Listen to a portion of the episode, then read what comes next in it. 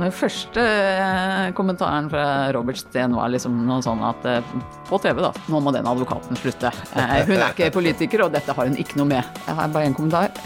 Oslo kommune må også forholde seg til lover og regler. Og så spilte jeg i Thomas Ropstads Svarte panter. For å si det sånn, Skatteetaten elsker den boken. Ja, Den som aldri gir seg, vinner. Det er mitt motto.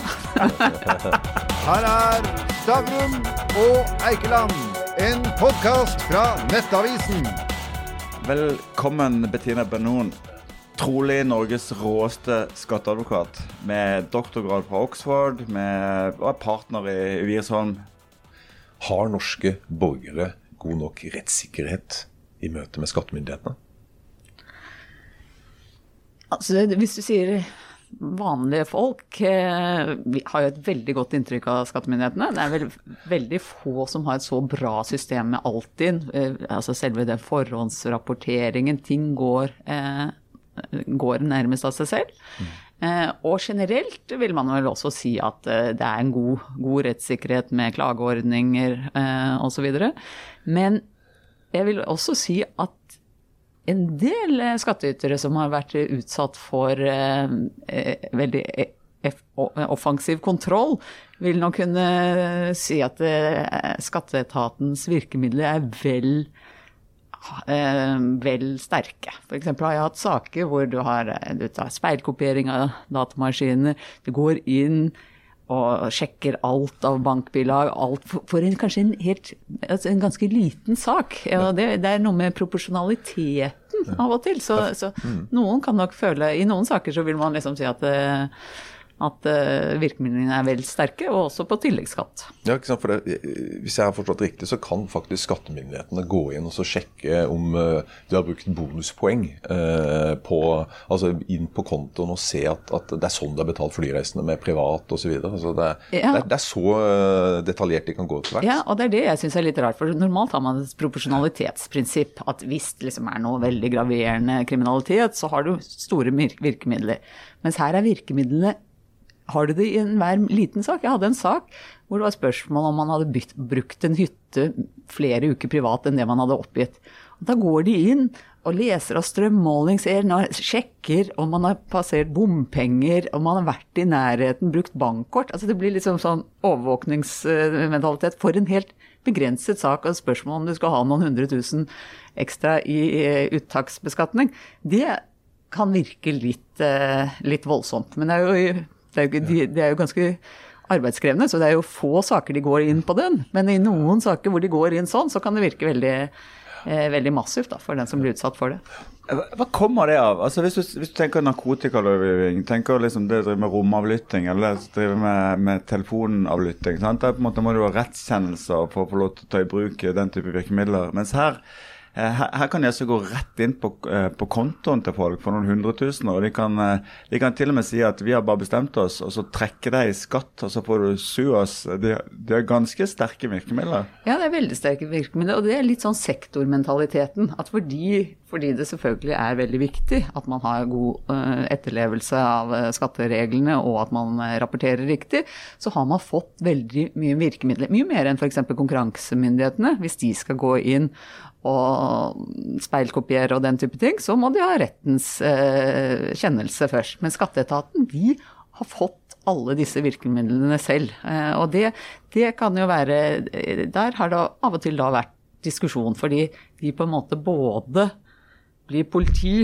og liksom fatter vedtaket, og er eh, de som også innkrever det. Får all, all, makt eh, på en måte samlet på én hånd. Eh, og det, det, men så har man selvfølgelig deretter domstolskontroll i etterkant. Men det, men det er litt sånn annerledes enn fra en rekke andre felter. Men, eh, men eh, fortsatt bare for å holde oss inn på økonomifeltet. da. For bare noen måneder siden så, så ønska jo Økokrim en ny endring i forhold til bankene. Hvor det var sånn at de ikke måtte be om én og én ting, men de, måtte, de ba om å få bare overlevert nærmest en hel batch. Og bankene la seg på rygg med en gang nærmest for at det sparer arbeid. Altså, Hvorfor er det så ekstremt alvorlig med, med økonomisk kriminalitet? og skatt? Nei, og, og det ser man jo også i diskusjonen om advokaters taushetsplikt. Da er det liksom plutselig, når det gjelder skatt, så er det jo veldig sterke krefter som sier at eh, advokaters taushetsplikt må ikke gjelde i skattesaker. Og hvorfor ikke i forhold til Jeg er veldig imot den derre sektormentaliteten, istedenfor at man liksom sier vi har noen prinsipper som er viktige av rettssikkerhet. Og der kommer også proporsjonalitet inn, at det skal en del til før du bruker den type virkemidler. Eh, mens det er på en måte litt eh, gjør seg ikke gjeldende i skatt, men så det eneste man eh, vet er at skatteetaten har ikke kompetanse eller tid til å gå så nøye inn i hver eneste sak, men de har egentlig virkemidlene. Ja. Men, men altså, du, du, har representert bl.a. Øystein Seisbetalen, det er jo kjent. Uh, og der hadde du akkurat en sånn problematikk med at de ville at korrespondansen mellom deg og han på mail skulle overleveres til skattemyndighetene. Ja, det var ikke mellom meg og han, men Nei. mellom meg eller han eller dette selskapet og deres ja. tidligere advokat. Ja. Eh, og der, eh, dessverre den, eh, gikk jo til, eh, til Høyesterett. Og der også så man at man fikk på en måte Da fikk skatteetaten de fikk lov til å gå en, hva vi vil kalle en, liksom en sneak peek. Altså de fikk lov til å gå inn og sjekke e-posten for å se om det er advokatkorrespondanse. Mens det vi sa, er at man burde hatt en samme ordning som i konkurransesaker og som i straffesaker. At det eventuelt er noen andre, si tingretten eller en uavhengig, som ser på den type. Og det er nettopp et utslag av det prinsippet. Den vurderte man jo om man skulle ta Eh, videre til EMD, eh, men det ja, Tilbake til egentlig utgangspunktet. Har vanlige folk rettssikkerhet? Um, hvis du ser på Nav-saken, ok, det er ikke skattemyndighetene, men det er jo norske myndigheter.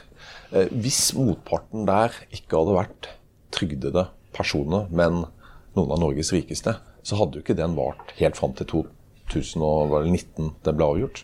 Nei, det er helt klart. Jeg hadde jo, for vi, I Skatt så hadde vi faktisk eh, vår Nav-sak eh, tilbake igjen i, mm, på starten av 2000-tallet. Den saken eh, så var jo jeg advokat for Fokus Bank, og hvor vi så på det og sa at ja, men det er jo det underliggende regelverket som er, er det galt med. At man forskjellsbehandler aksjonærer i, som er bosatt i EU, og aksjonærer i Norge. Så vi sa vi, våre folk har ikke gjort noe galt, det er skattesystemet som er galt. Eh, og da ble det jo plutselig helt snudd opp ned. Og så kom vi jo da til EFTA-domstolen og vant frem med det, at det norske systemet var ulovlig diskriminerende. Og eh, ville ikke Norge gi seg eh, og betale tilbake igjen til alle. Men det måtte de etter hvert. Og det, det, var jo derfor vi fikk da fritaksmetoden senere som ble, ble lik, og aksjonærmodellen som ble lik Eh, for utenlandske og norske aksjonærer. Men det vi så da, var at da var det jo såpass mange kapitalsterke, så vi satt jo oss ned og snudde hver stein. Vi sa vi vil jo ikke liksom Først begynte det jo som en gjennomskjæringssak og spørsmål om man har gjort noe straffbart, til å se på ja, men er det ikke noe feil her? Så vi fikk jo snudd den. Så for, for oss i Skatt så virker det jo helt spesielt og veldig overraskende at man da liksom 15 år senere kan ha en sånn sak Eh, at liksom det ligger nå i vår ryggmarg at du kan ikke diskriminere mellom norske og, og andre som er bosatt innenfor EØS-området. Så det, dessverre, så vil jeg si at hadde Nav-saken vært rettet mot min klientgruppe, så er jeg sikker på at vi hadde snudd hver sten, eh, og at man da hadde kommet til en annen du sitter i Skattekommisjonen, og det er jo litt overraskende, for du er knapt eh, Du får sikkert ikke så veldig mange julekort fra norske byråkrater. I hvert fall så turte du å gå løs på Oslo kommune når de innførte eiendomsskatt, og fikk med deg en haug med klienter og saksøkte de, og fikk gjennomslag for at det var innført ulovlig, og kommunen måtte betale tilbake penger. Ja, det var en morsom sak. Det var gruppesøksmål. Eh, første gruppesøksmål i skatt. Eh, nå vant vi, det var for eh, året 2016, og vi vant frem, og de måtte betale tilbake igjen all skatt de hadde innkrevd for boligeiere det året. Men vi vant, jeg må si, vi vant ikke på det prinsippet vi helst ville, som jo var, og vi kom nesten helt, hvor Høyesterett sa at man mente at den forskjellsbehandlingen som Oslo kommune gjorde, med at de bare beskattet 20% den var på grensen til det ulovlige, eh, og ikke hva man egentlig mener at eiendomsskatten hvordan den skal utformes, men så godtok de det allikevel for fremtiden, da, eh, med, fordi det var såpass stor gruppe, at det var 50 000 eller noe, såpass stor gruppe som fortsatt måtte betale.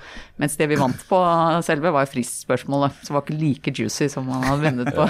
men, men hvor mye fikk du tilbakebetalt? Jeg tror jeg fikk 16 000. 16 000, ja. ja. Ah, herlig. Så, men, du tjente du ble mer på populær- salæren? Du ble populær i nabolaget der? Jeg ble veldig populær hos barnas eh, eh, klassekamerater og sånn. Alle kom og sa å, nå fikk vi en sommerpresang, så det var jo veldig hyggelig.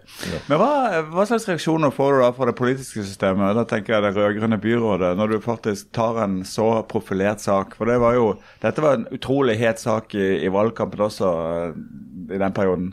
Ja, ja, ak akkurat der var det litt festlig. Når, eh, når vi vant frem, så sa jo vi at det kan ikke bare gjelde de som har vært med i søksmålet, for det var liksom 2000 eller noe.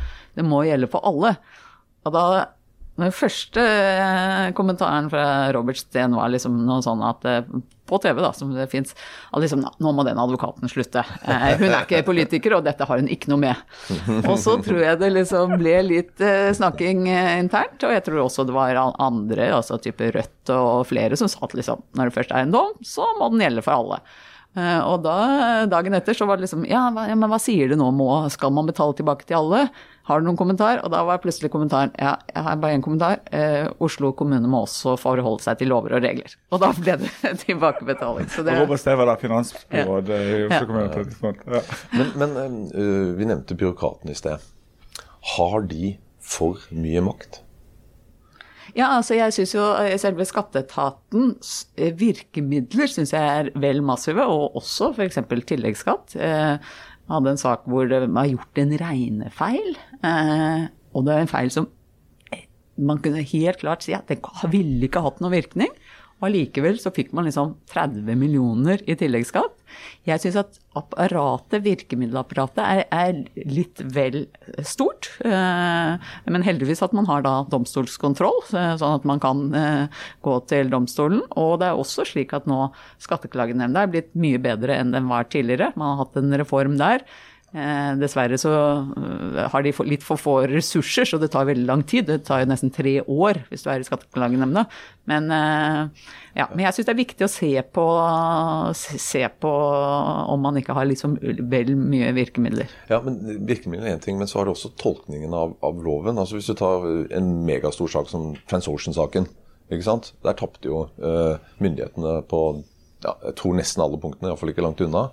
Eh, det var en sak som pågikk i ti-ish år, pluss minus. Ødela karriere til folk. Altså, eh, og dette er jo pga. tolkning. Og det, det går utover ja, uskyldige folk, da. Ja, her, her må man eh, skille litt, fordi dette var både en skattesak, TransOcean, og en straffesak. Og det at det var eh, skattespørsmål, eh, det var nok eh, mer eh, legitimt. Eh, og også noen av de medførte seier for skatteetaten. Milliarder i- i, ja. i skatt, faktisk. Ja, ja i, i domstolen. Mens det jeg reagerte veldig for, mot, det var det at de gjorde det som en straffesak mot rådgiverne. Og gikk på enkeltadvokater, og til og med skulle holde dem ansvarlig for milliardbeløp. Det, eh, i den saken, det var veldig spesielt. Der pushet de veldig Da var Økokrim og skatteetaten pushet veldig de grensene. Men at man tok opp eh, skattesaksspørsmålene, det er vel litt mer i, i, i naturen. Jeg har jo skrevet doktorgrad om omgåelse av skattereglene og gjennomskjæring. og man må også vurdere å bruke gjennomskjæringsinstituttet i en del saker, det, det mener jeg er helt legitimt. Vi kan ikke ha en, en sånn eh, lovgivningstradisjon at alt er lov inntil du liksom eh, har fått en ny lovendring. Altså man har også et visst handlingsrom til å tolke om her foreligger det her eh, misbruk av, reglene. Men når du skriver om omgåelse av skattereglene, høres jo litt sånn fishy ut.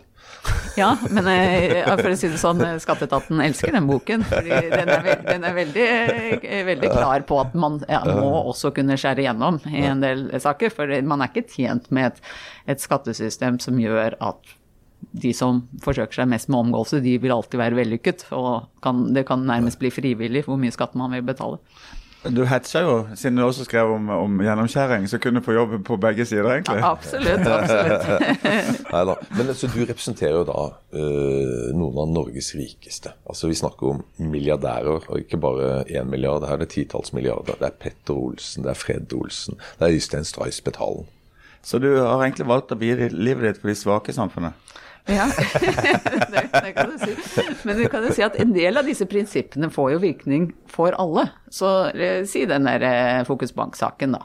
Det at man hadde midler til å kjøre den saken, hadde jo da også glede for andre småaksjonærer som var blitt forskjellsbehandlet fordi de hadde utbytte fra Så jeg ser jo at hvis vi jobber da med en sak knyttet til et prinsipielt spørsmål, så er det kanskje da noen av de rike som har betalt for det, men selve prinsippet som vi får utledet, det får alle, alle glede av. Og, derfor syns jeg jo det er, eh, det er veldig viktig at vi også har en sterk representant på skattytersiden, og ikke bare på, på statssiden. Nå er vi på vei litt over i, i kjendisbiten av denne podkasten. For du, du, representerer altså Petter Olsen, eh, bror til Fred Olsen og eier av Ramme gård.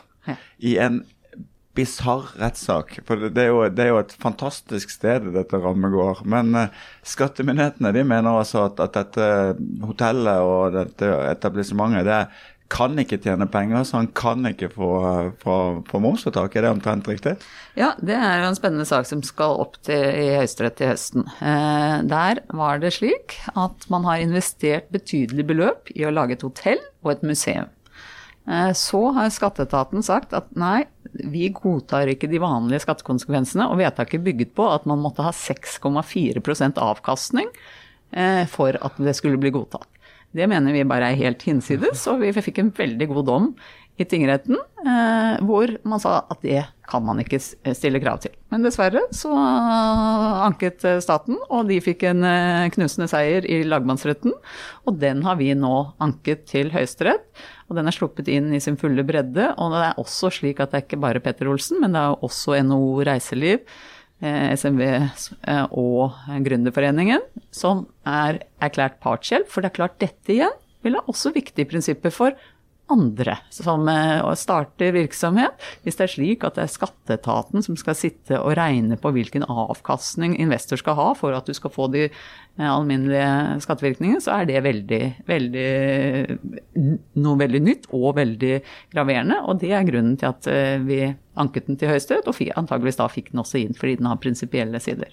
Jeg sitter og tenker på, Vet de hva de driver med, skattemyndighetene? Først når de da anker den videre. Nei, det var vi som anket, da, for de vant. De vinner, og de anker, men de går videre, da. Så legger seg ut med Bettina Banon. Dette kommer til å vare i 50 år, og så ende opp i, i en eller annen internasjonal rettssak til slutt. Ja, den som aldri gir seg, vinner. Det er mitt motto. men, men, du sier at du, det, det, er prinsipielle saker, da. Men alle sakene dine er jo ikke prinsipielle. Altså, du hjelper jo flere av disse rikingene med å flytte ut av landet. Og det hjelper jo ikke meg så mye, også, skal jeg bare være helt ærlig. Men, men, men, hva, men hva, er problemet eh, du møter på når, når, de må flytte ut?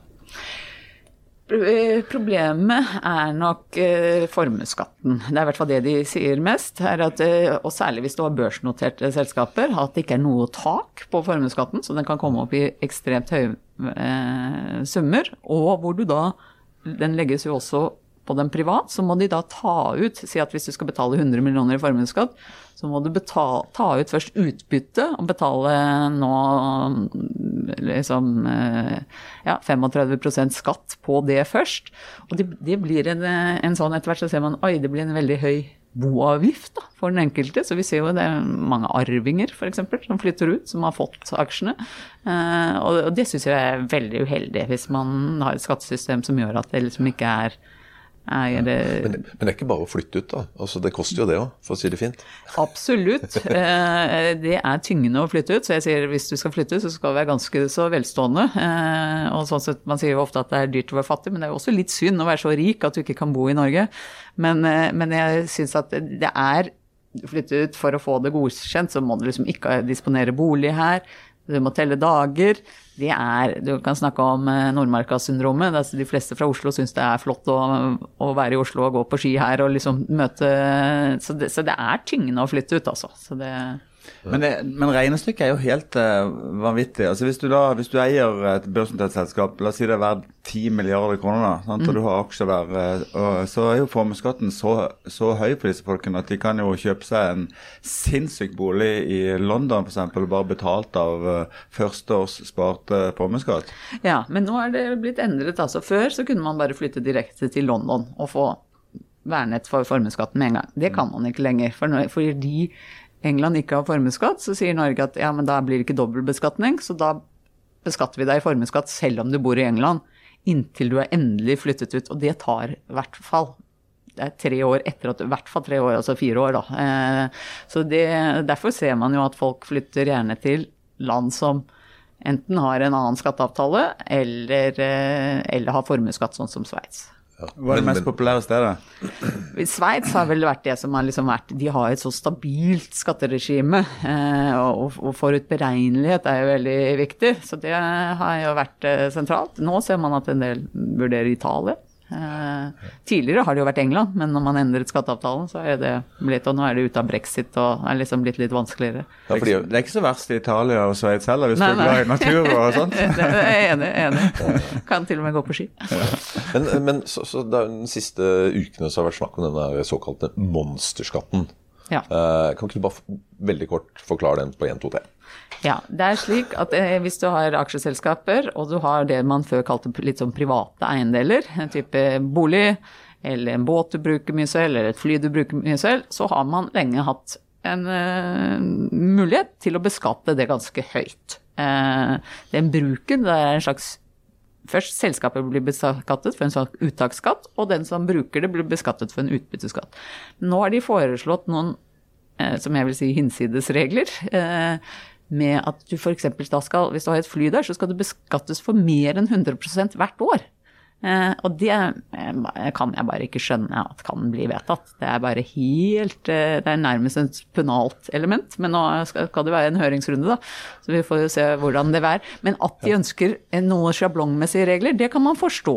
For da blir også revisor ansvarliggjort og liksom må de hjelper jo ofte til med å attestere skattemeldinger osv., men man kan ikke legge seg på det nivået. Men Er dette et reelt problem, eller er det bare et uh, konstruert problem? Altså er det, er det, voldsomt mange i Norge som har jetfly de flyr rundt? Du, man så jo at provenyet var jo ikke stort, de skulle ha 180 millioner eller et eller annet. Så mm. det er jo ikke, det er ikke voldsomt. Men det er vel mer i denne debatten om fritaksmetoden og det at man ønsker å være sikker på at man ikke får noen uh, utilsiktede fordeler. Så det at man skal vurdere å, å, se på det, det er liksom mer forståelig. Men uh, man kan ikke gå Det er igjen proporsjonalitetsprinsippet. Man kan ikke gå til da den løsningen at vi, vi bare beskatter Hvis vi sier at egentlig sier du har et, 100, et fly til 100 millioner, og du ville sagt at ja, fordelen er egentlig kanskje 5 millioner i året, så kan du ikke gå og si nei, men vi beskatter deg som det er 100 millioner i året, er fordelen. Har du et gulltips til oss vanlige folk når det gjelder skatt? Ja, hvis du ser skattesystemet, så det som virkelig blir favorisert, det er bolig. Så kjøp egen bolig. Der får du skattegevinsten eh, skattefri hvis du selger den, og du beskattes ikke løpende på inntekt. Og man kan leie ut eh, deler av den skattefri, og den eh, formuesskattemessig behandles den veldig gunstig, og også eiendomsskatten pleier man å ha mer. Så Kjøp bolig. Du kom hit i dag med ja. hjelmen under hånda. Du er jo kjent som å være Ducati-eier. Det er den heftigste, råeste gateraceren som fins. Men søstera di hun løper liksom ni kjappe ultramaraton etter, etter hverandre. Hva skjedde? Jeg, jeg, hun løper jeg, altså, Min søster er ultraløper. Min store søster hun har fem maraton på rad, vil jeg si. Eh, Ikke flere? det er veldig imponerende, men, eh, men, vi er fire søstre, og hun er den eneste som er, er i den ligaen. Ja, men det er jo sporty du òg. Ja, jeg, jeg har, det eneste jeg kan skryte på meg, er at jeg har gått Grenaderen, det som er ni mil på ski, men jeg er ingen, ingen ultraløper. ja. men, men hvem er du? Nei, jeg eh, Ja, som jeg sa, jeg har fire søstre. Min far er fransk-marokkansk-jødisk. Eh, min mor veldig reiselysten. Vokste opp i Bærum. Jeg er, um, spilte da litt i film i, ja. i ungdommen. Fortell litt om det. Ja, eh, pappa jobbet på norsk film, så da ble det jo til at man hørte litt om eh, filmprosjekter. Spilte i X i 1984, og den vant faktisk da også pris i Venezia, som var med i filmfestivalen der, så det var jo Så Amandaprisen? Eh, ja, og Amandaprisen vant den, og flere Lybek. og, og, så spilte jeg i Thomas Ropsans Svarte panter senere, med med ja, Henrik Mestad og Bjarte Hjelmeland. Ja. Nå har det vært lite med film. Jeg var statist i, for to år siden eller noe i, i denne Både jeg og han Var det Exit? Nei, det var i Seashore, med, hvor Anders Danielsen Lie og Anders Bosmo Christensen var noe sånn De var noe Hvor vi spilte noe sånn politietterforskere.